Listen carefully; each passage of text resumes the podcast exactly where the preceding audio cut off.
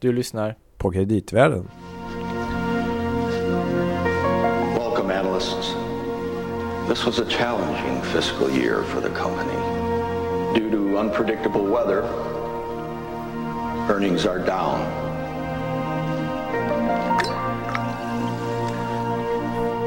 Welcome, analysts.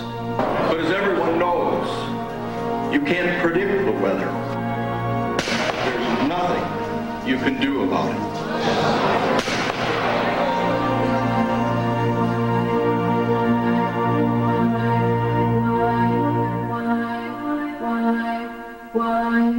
Ask Why med Enron. Ja, jag tänkte säga varför annars en fråga vi ofta ställer oss i den här podcasten. Eller som några sedermera kommer att säga, Ask Why Asshole.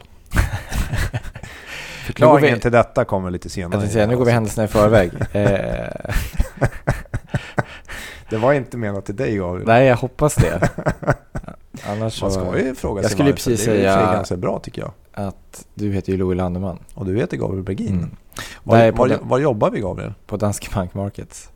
I Stockholm? Brukar vi också säga. Ja. Och det här är då Kreditvärlden, en podcast om allt som har med finansiella marknader och annat att göra. ja, Vi tänkte bara plocka rakt upp på det avsnittet som vi hade förra gången. just det. Mm. Det var ju så spännande där på slutet. Mm. Och de som kan sin så att säga, eh, börsbolagskonkurshistorik Mm. kände ju igen det här som vi spelade i början. Men för de som inte gjorde det, Mm. vad lyssnade vi på? Ja, vad var det för något? Mm. En tv-reklam Mm. för Enron. Mm. Mm. Precis. Och det här var nästan på toppen av deras... Ja, och det var, de hade ju som slogan just Ask Why. Just det. Mm.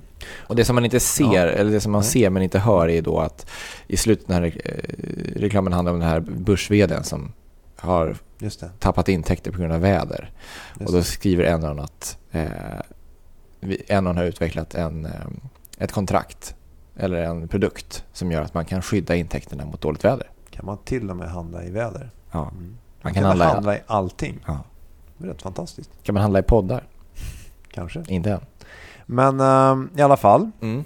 När vi lämnade bolaget förra gången där i slutet av 90-talet så gick det ju Mm. väldigt, väldigt bra. Ja.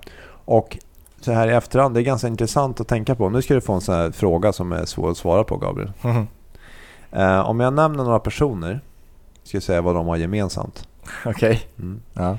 Personerna är Nelson Mandela, Colin Powell, Michael Mikhail Gorbachev och Alan Greenspan. Eh, De, eh, ja, de kanske alla har ätit middag med Ken Lay. Ja, det har han nog faktiskt. Därför att alla de personerna fick motta priset Enron Prize for Distinguished Public Service. Nej. Jo, och så fick de åka till Houston. Fantastiskt. Mm. Ja, Så det var, det var Så det var bra gissat. Ja. ja. men det här säger väl något om hur, eh, hur stora de var, Mm. så att säga. Och, all, Och- de kom också. Det är det som är Ja, exakt. Ja. Och bolaget fick, alltså både ledningen fick ju pris som bästa vd och det var Forbes, eh, ja du vet så här, bä- Ja, det. välskötta företag. Och, alltså, Nej, inte bara sig själva. Alltså, utan, Nej, utan hyllade av alla och det finns med du vet, så här böcker om eh, lyckad managementkultur och ja, Ja, vi hörde lite om det i förra case. avsnittet. Mm. Mm. Mm. Managementkulturen. Eh, då, när de stod här på toppen Mm. och även börskursen då, i början på 2000 Mm. Så hade de en eh, bolagspresentation till analytiker. Vi kan lyssna lite grann bara. Det, Mm. när de ska lansera, det var ju populärt med bredband på den tiden. vilken tiden. Vi kan bara höra lite grann där. I would like to make a uh, kind of an interesting announcement. Uh, we have uh, renamed Enron Communications. Uh, as of today, uh, Enron Communications Inc. is now Enron Broadband Services. So uh, uh, we think that's an important uh, message to get across because the focus of this business is on broadband services. So we've changed the name. So from now on, you'll hear us tripping back and forth because we haven't gotten quite used to it. So sometimes people will say ECI, some, sometimes people will say uh, EBS or Enron Broadband Services.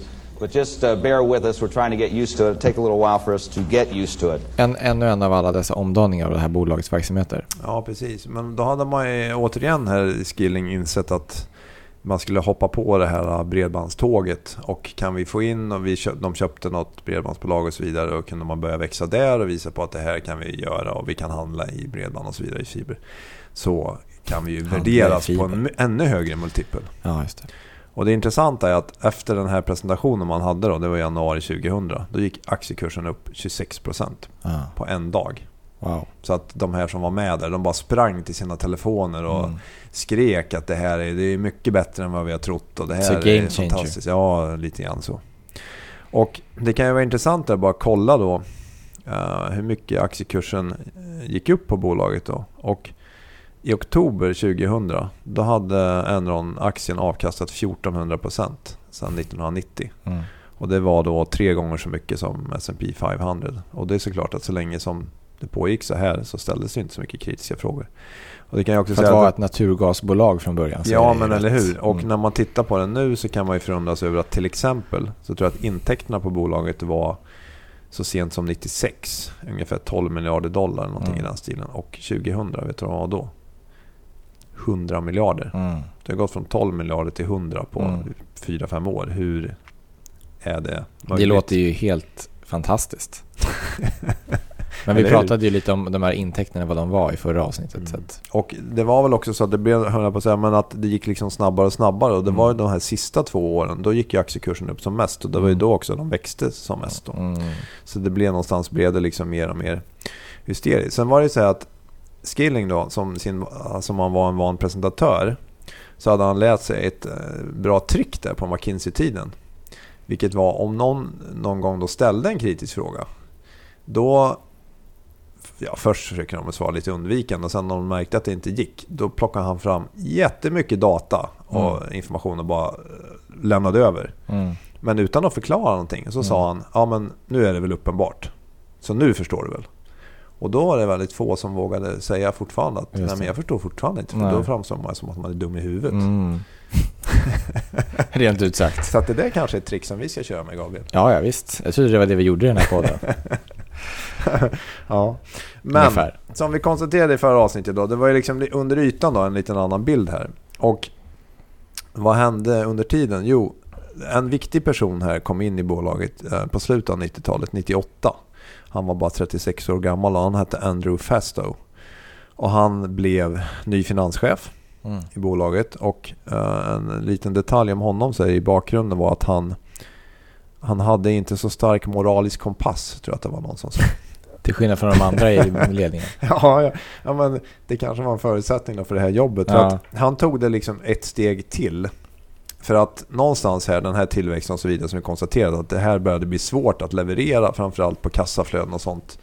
Eh, Man kunde liksom blåsa upp intäkterna men, men underliggande intjäning var ju inte så himla stark.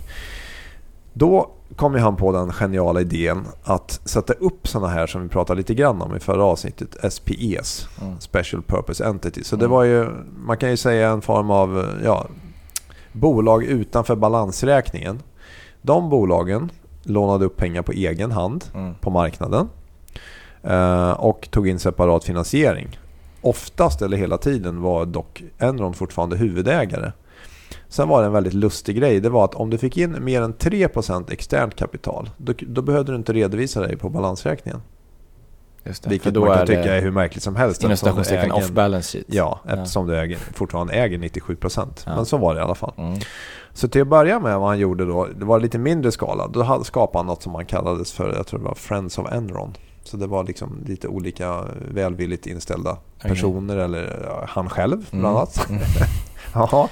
Väldigt Eh, oberoende. Ja, och sen så, och vad man gjorde då, alltså Enron använde de här entiteterna för att liksom kanske ta en hedge. Om de hade risk så kunde Mm. man köpa en hedge. Mm. Köpte man det från en sånt här bolag Mm. Då som då tjänade inte- pengar på det. Men samtidigt så var det som att man köpte hedgen av sig själv. Mm. Så det, det hela blev ju väldigt, Mm. väldigt konstigt. Och samtidigt så blev det ju någonstans, och det var också faktiskt så han sålde det här till investerarna, att det här var ju riskfritt om man då satt i den här entiteten. För att man visste ju att man skulle tjäna pengar på den här affären. Um, så att han tjänade mycket pengar själv. De här investerarna och banker som var inblandade i det här tjänade också mycket pengar. Och så småningom då så blev det liksom större och större. Ehm, och det här Enron Global Finance slutade med att de tog in typ 20 miljarder eller någonting på ett år. Och han, som han själv sa, det här var pengar som skulle vara för att to feed the beast. Alltså det, det behövdes, man behövde ju pengarna. Alltså, och då kunde Enron visa på kassaflöden men egentligen var det ju en, någon sorts cirkulär situation av allting. Och han, när någon frågade honom vad händer om det här inte fungerar. Om det, om det slutar där, då kommer det implodera, sa han. Så han förstod ju. Uppenbarligen liksom. Ja. Och när Enron så småningom kom att kollapsa, då hade man 2 miljarder tror jag i sådana här skulder relaterat till sådana här entiteter. Och totalt hade ju Enron på slutet 38 miljarder dollar i skulder. Men bara 13 av dem var på balansräkningen. Okej. Okay. Ja. Så att, ja, då kan man ju tycka märkligt, mm. eh, minst sagt. Aktieanalytikerna hyllade Enron. Uh, och det, men det som kanske är ännu mer märkligt någonstans var ju att även ratinginstituten hyllade bolaget. Just det. Men det var inte så att det var helt gömt att, han, att man höll på med sådana här upplägg? Eller? Nej, alltså så här. Delvis kanske var det ju gömt att, att han själv så att säga tjänar pengar och så vidare. Det. Och det kom ju fram så småningom och ja. blev en stor skandal då. Men det gick ju att se i olika fotnötter om mm. dem, att det fanns en massa sådana här entiteter. Mm. Och det gick även att läsa ut en del av de här. Att Enron hade liksom att man var committad och så vidare. och Så vidare. Så den som hade gjort sig omaket att ställa frågor och ta reda på lite mer kunde ju... Mm. De som gjorde det såg att det här verkar väldigt, väldigt märkligt. Och jag kan ju själv tycka, ratinginstituten sa i efterhand sen, att vi blev förda bakom ljuset. Men samtidigt ställde de alla frågor Mm. Och läste de allting som de kunde ha gjort? Nej, mm. är väl svaret rätt uppenbart. att Det gjorde de inte. Och det här är ju väldigt olyckligt för att man hade ju då en sån här investment grade betyg, triple B plus hade de ju. Eh, och det var ju en förutsättning för att kunna driva hela tradingverksamheten. Mm. För att man behövde billig finansiering. Ja, mm. och någonstans blir det ju så att har du en bra rating så ger det ju förtroende. Och många mm. tänker, ja men de är ju godkända av ratinginstituten så det är väl fine. De måste väl ha kollat på det här. Och det här är ju väl, så att det här onekligen gjorde man ju, man får ju säga att man gjorde bort sig. Det går ju inte att säga på något annat vis. Nej. Uh, så att det var situationen. Uh, sen var det så här samtidigt då att, ja, vi har pratat mycket om trading och så. En annan grej som hände som blev väldigt viktig för det här, liksom allmänhetens uppfattning om bolaget. Det var ju att, vi hade pratat om förra avsnittet om avreglering av gasmarknaden. Nu så börjar man prata om att man skulle avreglera elmarknaden. Mm. Och Enron såklart skulle ju in där för de skulle ju vara överallt. Eh, så de köpte bland annat verksamhet i Kalifornien. Och Kalifornien var första marknaden som skulle avregleras i USA. Det var 98.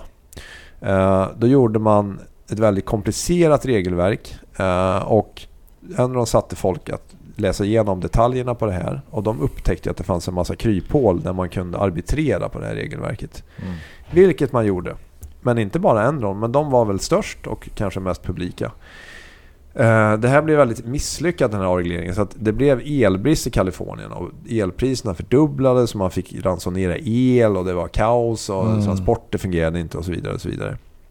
Uh, och samtidigt så hade då Enron gett sig in här och uh, tjänade pengar på den här bristsituationen.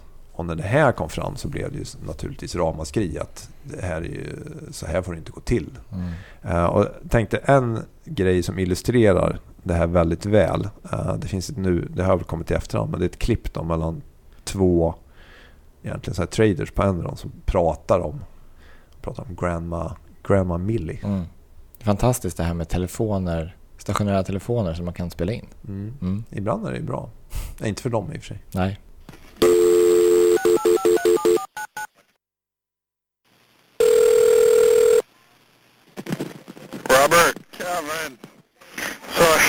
The rumor's true? They're fucking taking all the money back from you guys? All the money you guys stole from those poor grandmothers of California? yeah, Grandma Millie, man. But she's the one who couldn't figure out how to fucking vote on the butterfly ballot.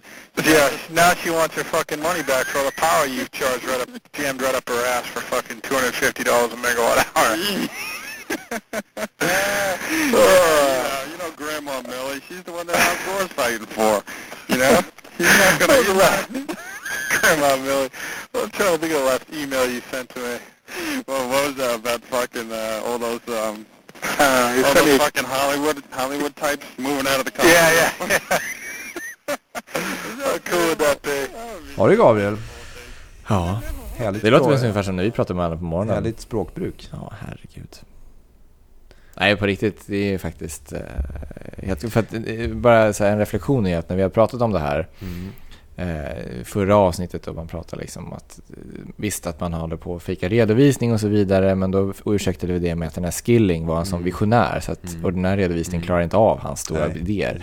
Och sen så eh, en massa annat som en aggressiv kultur och så vidare. Men här får man ju verkligen höra liksom vad är en aggressiv kultur i praktiken? Ja. Alltså det handlar inte bara om att det här bolaget var dåligt skött utan det handlar uppenbarligen att många som jobbade på bolaget var idioter. Ja, men någonstans... Vidriga det- människor. Exakt, men att den kulturen kan uppstå är ju rätt intressant. Ja, Hur, ja, och man, liksom mä- mänsklig psykologi, att man i en sluten krets kan få värderingar om omvärlden som är så galna som man Mm. tittar på utifrån förstår man inte hur kan man tänka på det här viset. Nej, precis. Men för dem var det helt... Ja, men det är självklart, vi bara tjänar pengar på... De är ju de här svaga individerna, de får ju skylla sig själva. Det är ju Mm. inte vi som har ställt till det här, det är ju regelmyndigheten. Vi har inget ansvar. Nej. Ja, men, men det, liksom är ju, deras resonemang. det är ju en liksom. ledningsfråga som man pratar om såklart. Mm. Liksom, men det är ju uppenbart också att ja, man, något visst ansvar har man med själv. Ja, absolut. Mm. Jo, en kombination av... Så. Nej, det, är, det är faktiskt väldigt intressant på många vis tycker jag. Mm. Det är, påminner, vi pratade ju med, eh, i ett tidigare avsnitt om, eh, med, eh, eh, om just hur hjärnan fungerar och Ja, hur det påverkar ja oss. precis. Och, Hoppas komma Ja. tillbaka till det temat kanske. någon gång. Mm. Men det är också intressant för att bolaget har ju kom, eller kommer ju att representera någonstans det kapitalistiska systemet i USA, det Mm. framgångsrika och hur duktig man var. Och sen när så att säga, det, det inte gick så bra så blev det någon sorts kris, identitetskris nästan tror jag i, i USA. Att de här flera, det var ju flera bolag som gick omkull nästan samtidigt. Mm. Och eh, hur ja, problemen egentligen med kapitalism och det systemet kanske inte var så bra som man Mm. hade trott och så vidare. mm. Men i alla fall då så förstår man ju när man lyssnar på det här att den publika bilden här försämras lite grann. Det börjar komma mer kritiska kommentarer Mm. eh, och inte minst eftersom att aktiekursen eh, så småningom börjar falla där. Eh, I slutet av 2000 blir faktiskt Skilling till slut VD för bolaget och för Ken Lay träder tillbaka.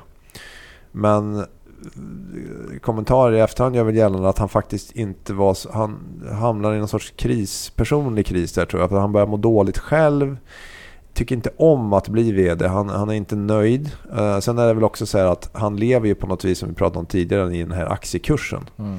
Och någonstans när den börjar falla där från sin peak tror jag, augusti 2000 så är det någonstans att det, det verkar vara som en termometer för honom. Liksom, att då blir han, mår dåligt och han är stressad och hit och dit och så här. Och då kommer vi till det här um, andra klippet på ett... Analytikerkonferens. Ja, precis. Som, som sagt, en analytiker konf call så har vi lyssnat på en del gav, hur brukar Ja. de vara? Ja men de är ju i all i ärlighet rätt trista historier faktiskt. Jag menar, det berättas lite grann om resultat och eh, strategi och, och så vidare. Och så får alla analytiker ställa lite frågor. Och i de allra flesta bolagsfall så vill man mest grotta ner sig i några detaljer på intäkter Mm. och så vidare, eller hur? Mm. Eh, så att den här, här, tonen... här, här livade det upp lite. Mm, det lät lite annorlunda. You're the only financial institution that can't produce a balance sheet or a cash flow statement with their earnings. Well, you, you, you. Well, uh, thank you very much. We appreciate. Appreciate it. Asshole. Vad hände där undrar man? Ja. Han tappade väl helt enkelt. Ja, han gjorde det på något vis. Och han ville inte be om ursäkt heller. Eh, Så det var väldigt märkligt. Men det här visar väl på att han mådde inte bra. Han, han började bete sig lite konstigt. Mm. Så han började så småningom under sommaren då indikera att nej men det här går inte. Och eh, ganska... 2001 är det eller? Ja, precis. Ganska plötsligt då i början av augusti så avgår han. Ehm, nu, nu vet ju då Ken Lay om det här, men väldigt få andra vet om det. Ken Lay tvingas kliva in igen, men det blir ju utåt såklart. Här blir ju nästan droppen då, för att man, säger, man kallar det för personliga skäl. Mm. Vilket kan vara en bra anledning, men han vill inte säga mer än så. Samtidigt så sa han i någon intervju med Wall Street Journal att eh, för de frågade, men beror det inte här på att aktiekursen har fallit så mycket? Och då sa han någonting, jo det har ju påverkat mycket. Och då, det tyckte inte Ken Lay var så bra, för vi hade ju kommit överens om att du skulle säga att det var personliga skäl. Ja. Så då börjar ju folk fundera på, är något fel på bolaget här? Eller någonting. För han har ju bara suttit i sex månader och han är Ja, ju framgångsrik och så. Så det- här verkar inte bra. Så vi skulle kunna lyssna där på ett klipp när Ken Lay kliver på här som det är ett möte med de anställda i Enron. Eh, och han så att säga gör en liten comeback här. Jag ska försöka höja modet. Stående ovationer får han Ska Ja, han får ju det.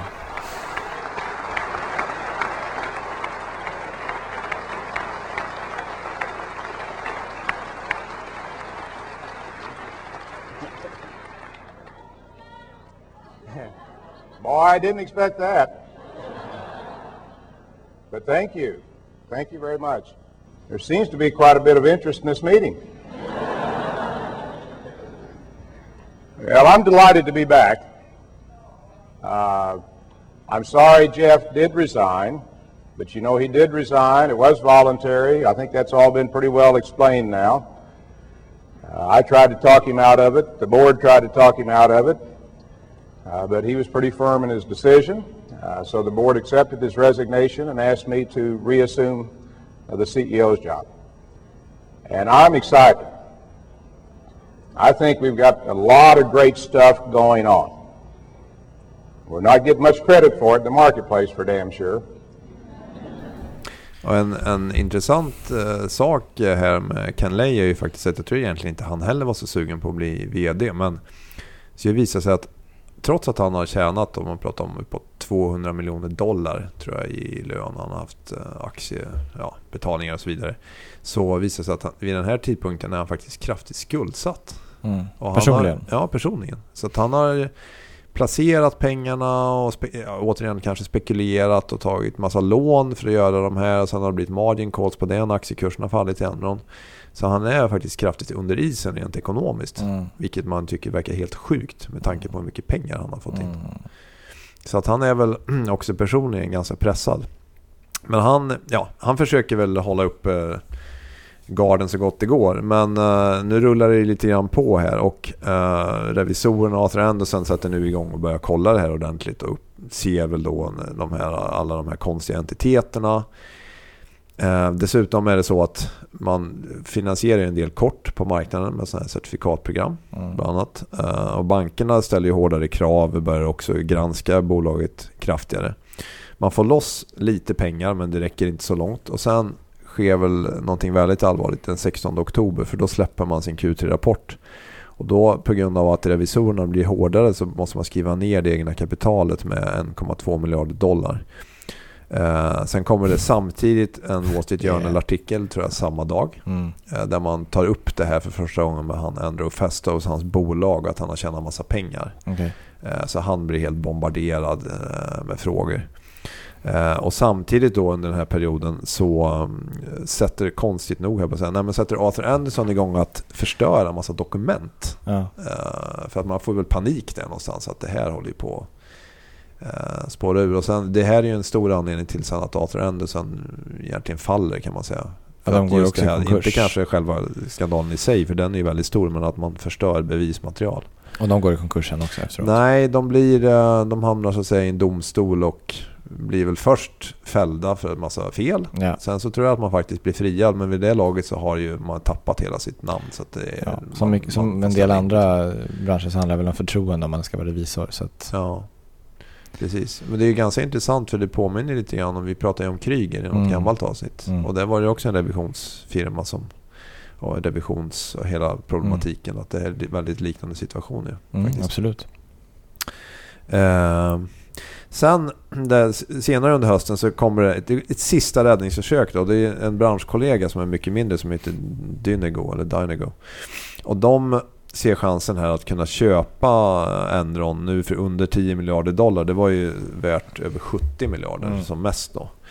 Eh, så de signar faktiskt en affär. De, de får en del pengar, eh, jag tror 5 miljarder dollar, men det tar inte mer än några veckor så har de där pengarna försvunnit. Alltså de har gått åt till att betala lån och det finns ju massor med trassliga affärer. Ja, det finns betalas. säkert massa tradingpositioner kvar som... Ja, så det slutar med, i slutet så säger den här Dainego vd för först så rabatterar de priset och sen så säger han bara jag vill inte ha det här bolaget även om ni skänker det till mig. Nej. Han inser väl till slut att det här det är inte så bra. Nej. Och sen den sista spiken i kistan då blir att man faktiskt slutligen då, eh, även om väldigt sent kan man tycka, då blir man nedgraderad till den här under, alltså junk Och det är först nu? status. Ja, man har hållit ut och de har sagt att om, det, om ni blir uppköpta så kanske vi kan bevara betyget och så Ja. vidare. Men till slut så sänks ratingen och då kan man säga då är det kört. Ja, säga. Man får hoppas att alla obligationsägare var... Alla hade såklart inte hoppat av än, men Det var nog många som inte nej. hann skulle jag tro. Så den 2 december då, 2001, då eh, filade man för Chapter 11 och då var det den största konkursen någonsin i USA. Just det. Sen kom ju WorldCom ganska snart efter. Just De det. var ännu större, men det får vi återkomma till. Mm. Um, nu tänkte vi prata lite om efterspelet här. Mm. Det blev ju en rättegång.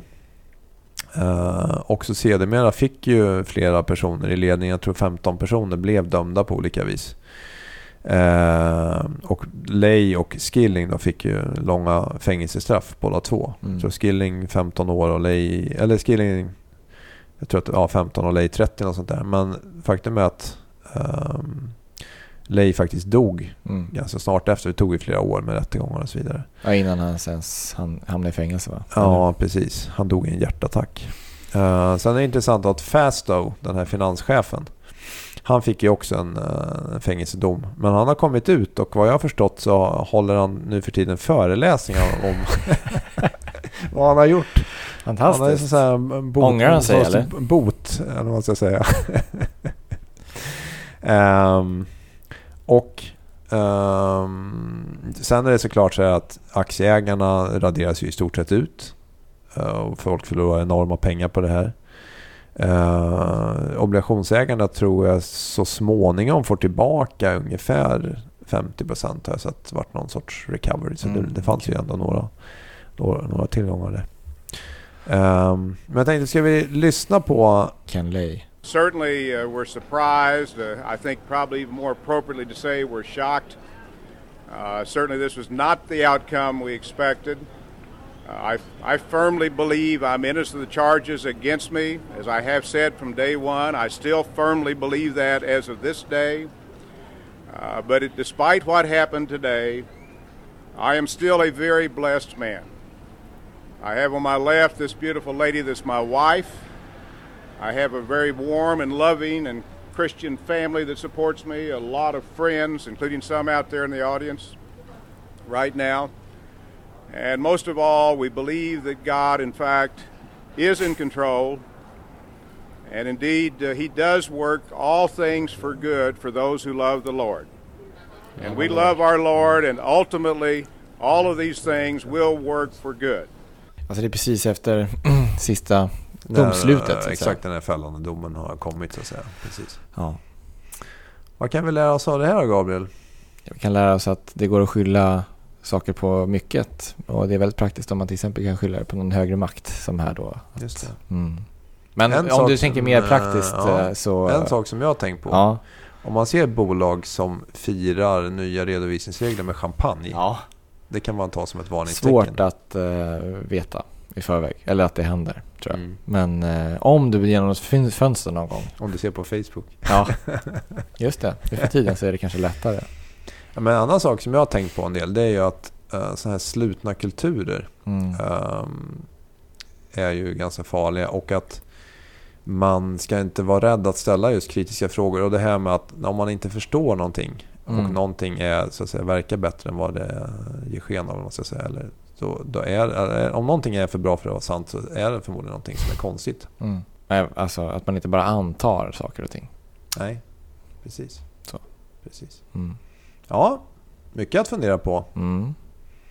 Vad tror om att vi äh, återkommer lite till det här temat då kanske lite senare under I hösten? nästa avsnitt ska vi prata om nästa, framtidens Enron. Vilket är det? Nej, jag ska ja, det vore något. Ja, det vore något. Mm. Om vi hade ett sånt Nej, scoop. i nästa avsnitt blir det ett helt annat tema. Absolut. Mm.